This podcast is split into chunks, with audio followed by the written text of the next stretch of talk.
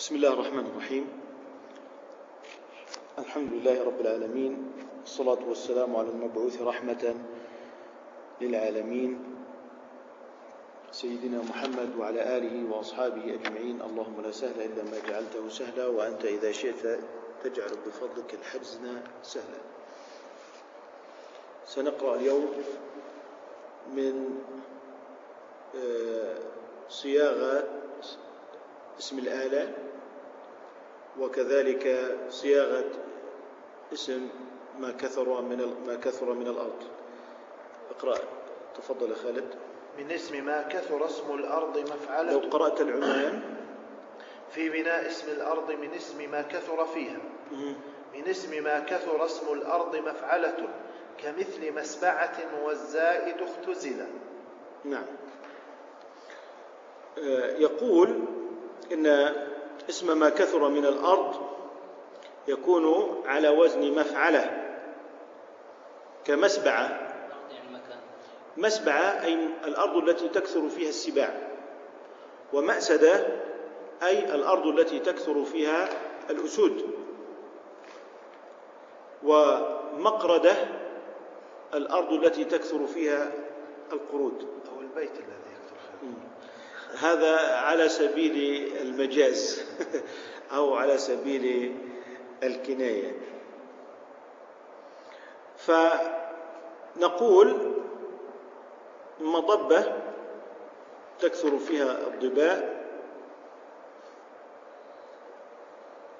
ومذأبة تكثر فيها الذئاب ومأسدة تكثر فيها الأسود. ثم قال والزائد والزائد اختزل من ذي المزيد الذي هو البيت الآتي. نقرأ البيت الآتي. من ذي المزيد كمفعات ومفعلة وأفعلت عنهم في ذا قد احتمل. نعم. قد احتمل أو قد احتمل؟ قد احتمل احتمل. قد احتمل. نعم. قد احتمل لأن التقاء الساكنين كسرنا وهنا احتمل مبني للمجهول. والألف هنا ألف الإطلاق لإطلاق الصوت بالترنم بالحرف. فقال إن اسم ما يكثر من الأرض يصاغ من الثلاثي أما من الرباعي المجرد فلا يصاغ أصلا فلا يصاغ أصلا. فإن كان ثلاثيا مزيدا فإن كان ثلاثيا مزيدا عندئذ تحذف المزيد من الثلاثي. فقال من ذي المزيد كمفعات أي الأرض التي تكثر فيها الأفاعي وكذلك الحال في مقثات الأرض التي يكثر فيها القثاء وكذلك مبطخة للأرض التي يكثر فيها البطيخ. ومذبة للأرض التي يكثر فيها الذباب. ومدبة للأرض التي يكثر فيها الدباء. الدباء الذي هو اليقطين. شجرة مثل البطيخ. ومعروف هو آه، يعرف بالدباء ويسمى اليقطين. وهو وانبتنا عليه شجرة من يقطين في قوله تعالى فيما أظل يونس عليه السلام. إذا قلنا ما كان زائدا عن الرباعي أو عفوا عن الثلاثي وكانت حروفه جميعا أصول لا يأتي منه ومن باب أولى غير الرباعي. أما إذا كان ثلاثيا زيد فيه فيمكن أن نصوغ منه اسم ما كثر من الأرض. فعندما قال مفعى هي من أفعى. هي من أفعى. والأفعى من يفعى من الثلاثي. إذن هو مزيد الثلاثي. هو مزيد الثلاثي. وقيل هو من فوع. وفوعة السم شدة السم. إذا المفعى هي من الرباعي ولكن ليست من رباعي مجرد إنما من رباعي مزيد. إذ إن الأصل أيفع وأيفع من القوة أصلها يافع من يفع. أو من الفوعة أو من الفوعة. وقال كذلك بعد مفعاه مفعلة هي من الفعل أفعل كذلك يمكن أن يمثل لذلك بقولنا مبطخة كثر فيها البطيخ ومبقلة كثر فيها البقل ومعشبة كثر, كثر فيها العشب ومضبة كذلك. هذا على مفعلة وكذلك أفعلت. يصاغ ما كثر من الأرض على وزن أفعل كقولنا أبقلت الأرض أي كثر بقلها وأعشبت أي كثر عشبها وأضبت إذا كثرت الضباء فيها. على أن نؤكد على أنها إما أن اسم ما كثر من الأرض يصاغ من الثلاثي أو من الرباعي المزيد من الثلاثي. أما المزيد أما أما الذي أصوله أو الذي آه، رباعي مجرد فلا يأتي منه ما كثر من اسم الأرض كضفدع مثلا أو سفرجل فلا يوجد لأن حروفه أصول. وهو زائد على الثلاثي وحروفه أصول فإن اسم ما كثر من الأرض لا يأتي من ما هو رباعي مجرد أو ما زاد على الرباعي إلا ما نعم. لم نجد إن اللي هو لما نقول أبقل من بقل ولما قلنا آه، أبطخ من بطخ. يعني لا نقول قلنا علينا أن نؤكد بشكل قاطع على أن اسم ما كثر من الأرض لا يأتي من الرباعي المجرد. إنما يأتي من الرباعي المزيد وضربنا مثالا على ذلك مفعى. المفعى من من إما أن تكون من أي فعى. وعرف دكتور وربما جاء منه نادر قبل بيت البعدي طيب اللي هو من ذي المزيد. هو غير الثلاثي من ذا الوضع ممتنع. أه. وربما جاء منه نادر قبل. لكن لم نجد هذا النادر. لا يوجد. إلا في أمثلة قليلة جدا. مثل اللي هي البيت الآتي لسه الذي لم نصل إليه مثل العقرب. مثل العقرب. وهي أمثلة نادرة جدا تجعل من هذا الشيء على سبيل الشذوذ الشديد والقوي. إذا لكن عندما قلنا مفعى وعندما قلنا مبطخة وعندما إلى آخره هذه كلها رباعي مزيد. رباعي مزيد. أما الرباعي المجرد والتي ذكر من أمثلة قليلة عنها وهي لم نصل إليها بعد في البيت الآتي. وسنقرأ البيت الآتي الآن. غير الثلاثي من ذا الوضع ممتنع.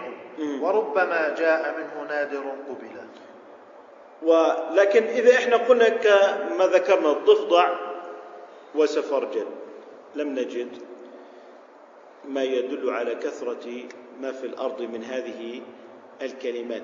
لكن وجدنا قليلا مثل كلمة معقربة.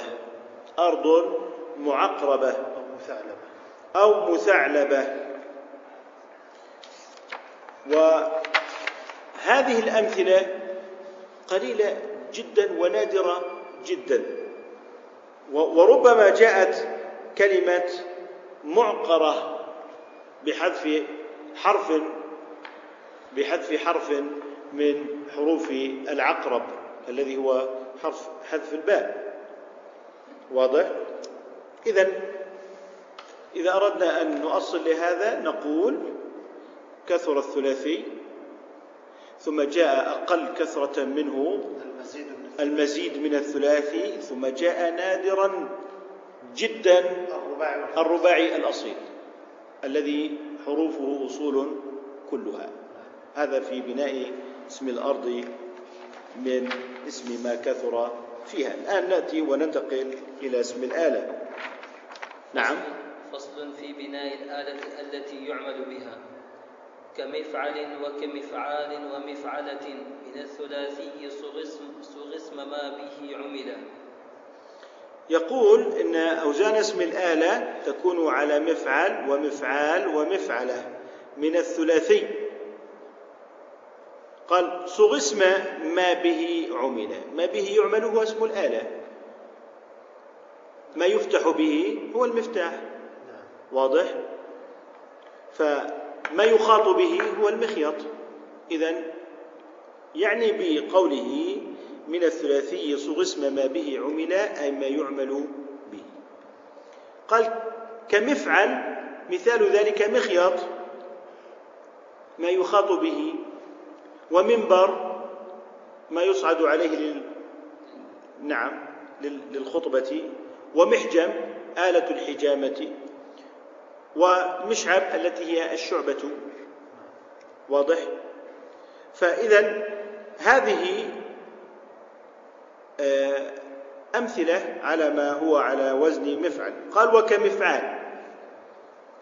مفعال كمسواك.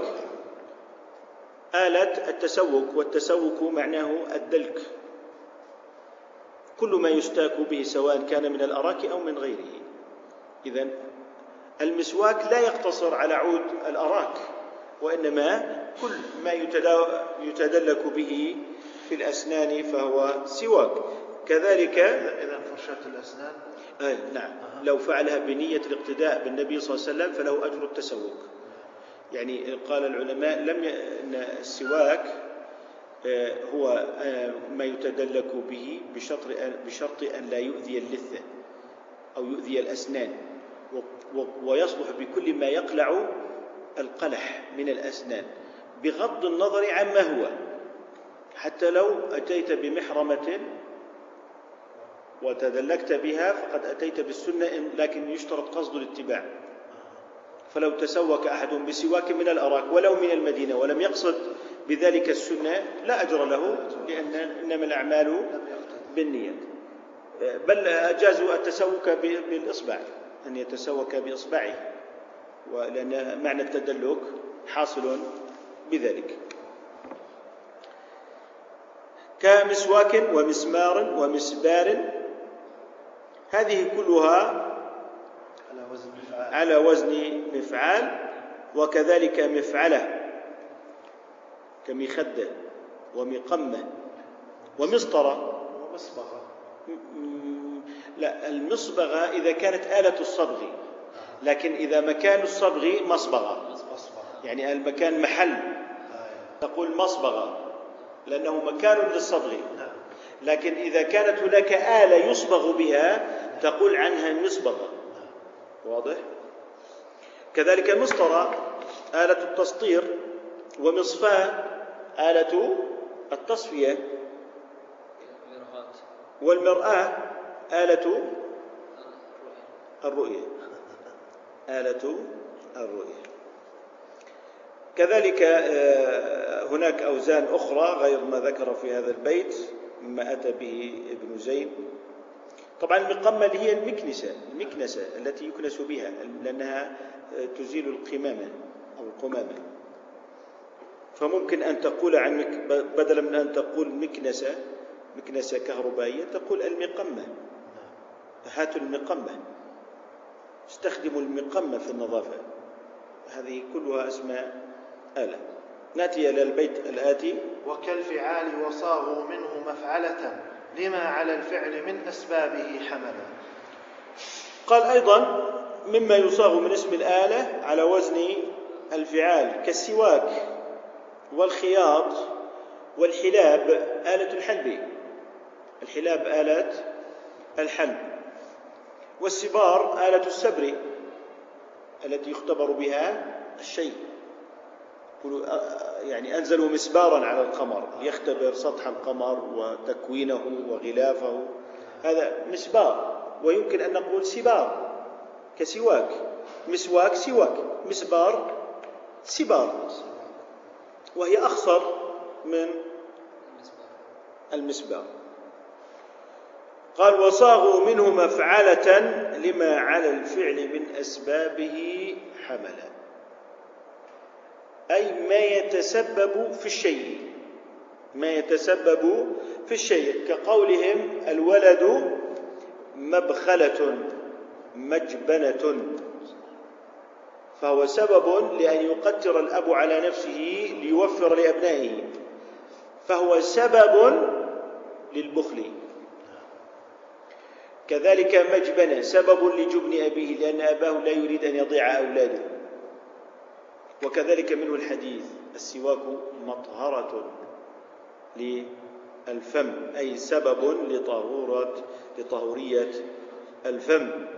وكذلك الحديث اليمين الفاجرة ممحقة للمال أي سبب لمحقه منفقة للسلعة أي سبب لنفوقها.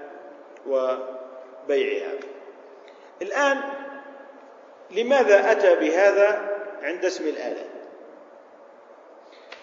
فكأنه يريد أن يقول لنا إن الآلة هي التي تفعل الشيء.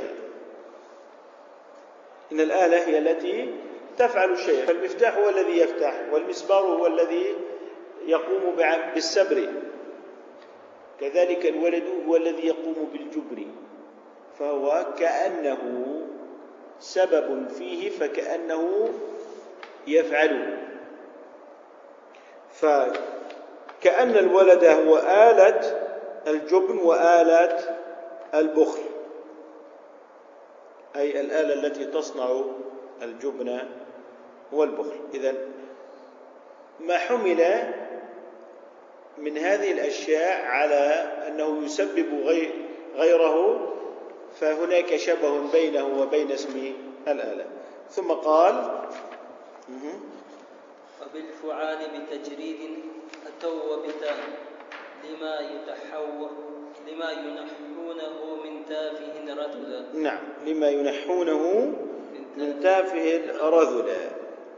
الشيء الذي فضل وزاد ورذل بمعنى لم يؤبه له. ولم تكن له قيمة. مثل الفتات. الفتات من الطعام أي ما بقي منه. والحطام. والرذال والغثاء والكناسة. ونقول القمامة.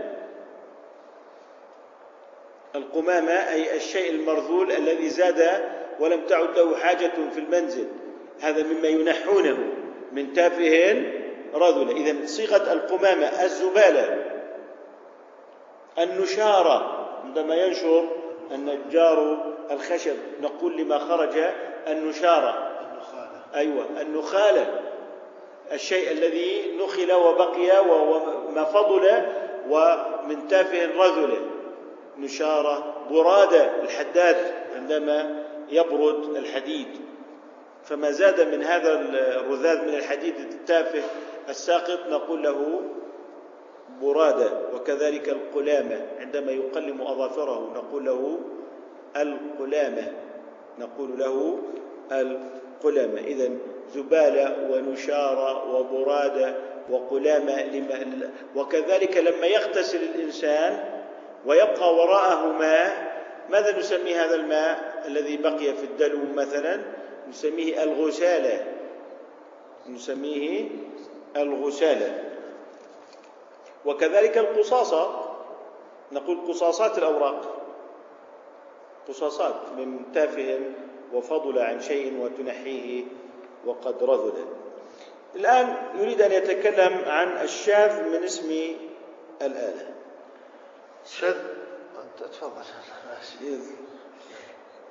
شذ المدق. شذ المدق ومسعة ومكحلة ومدهن منصل والآتي من نخلة. يقول مما جاء شاذا من اسم الآلة المدق أي الآلة التي يدق بها والقياس مدق أو مدقة. كذلك المسعط من الفعل سعط إذ إن القياس مسعطة مسعطة. وكذلك مكحلة إذ إن القياس مكحلة. ومدهن الوعاء الذي يجعل فيه الدهن. منصل وهو السيف. منصل هو إيه؟ السيف. وكان العرب يسمون رجب منصل الأسنة منصل الأسنة لأن العرب كانوا ينزعون فيه أسنة السيوف والسيوف وسنة الرماح. فكانوا يقول له منصل الأسنة. فال إذا منصل والآتي من نخلة. إذا في هذه الأمثلة نقول إن اسم الآلة فيها سماعي على خلاف القياس على خلاف القياس. وقال والآتي من نخل المنخل. المنخل. نحن لا نقول المنخل. نقول المنخل. وهو على خلاف القياس. ومثله أيضا المحرضة. المحرض المحرضة.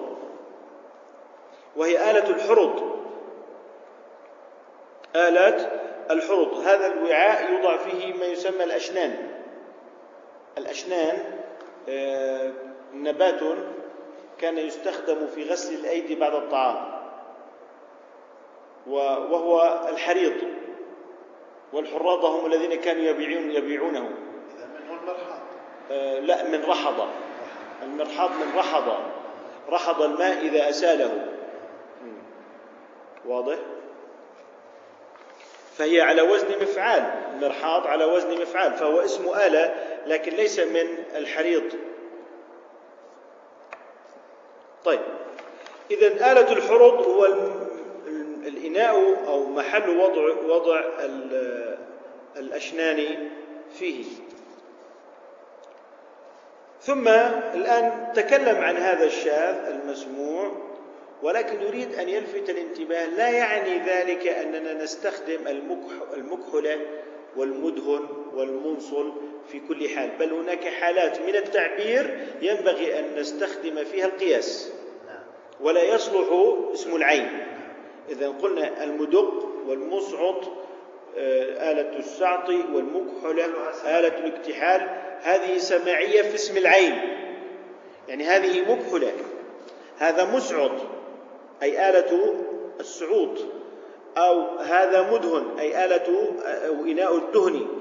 إذا هذا الإناء الذي أمامي أسميه مدهنا لكن هناك حالات لا يجوز أن أقول عن الشيء مدهن أو مكحلا لابد أن نراعيها وهو ما سيتكلم عنه في البيت الآتي ومن نوى عملا بهن جاز له فيهن كسر ولم يعبأ بمن عذله. نعم. إذا قصدت العمل بهذا الشيء لم تقصد اسم العين. كأنك تريد أن تقول لأحدهم اذهب واشتري لنا مكحلة. فيقول لك هذا لم يسمع. نقول لم يقصد هنا اسم العين. إنما قصد آلة يكتحل بها.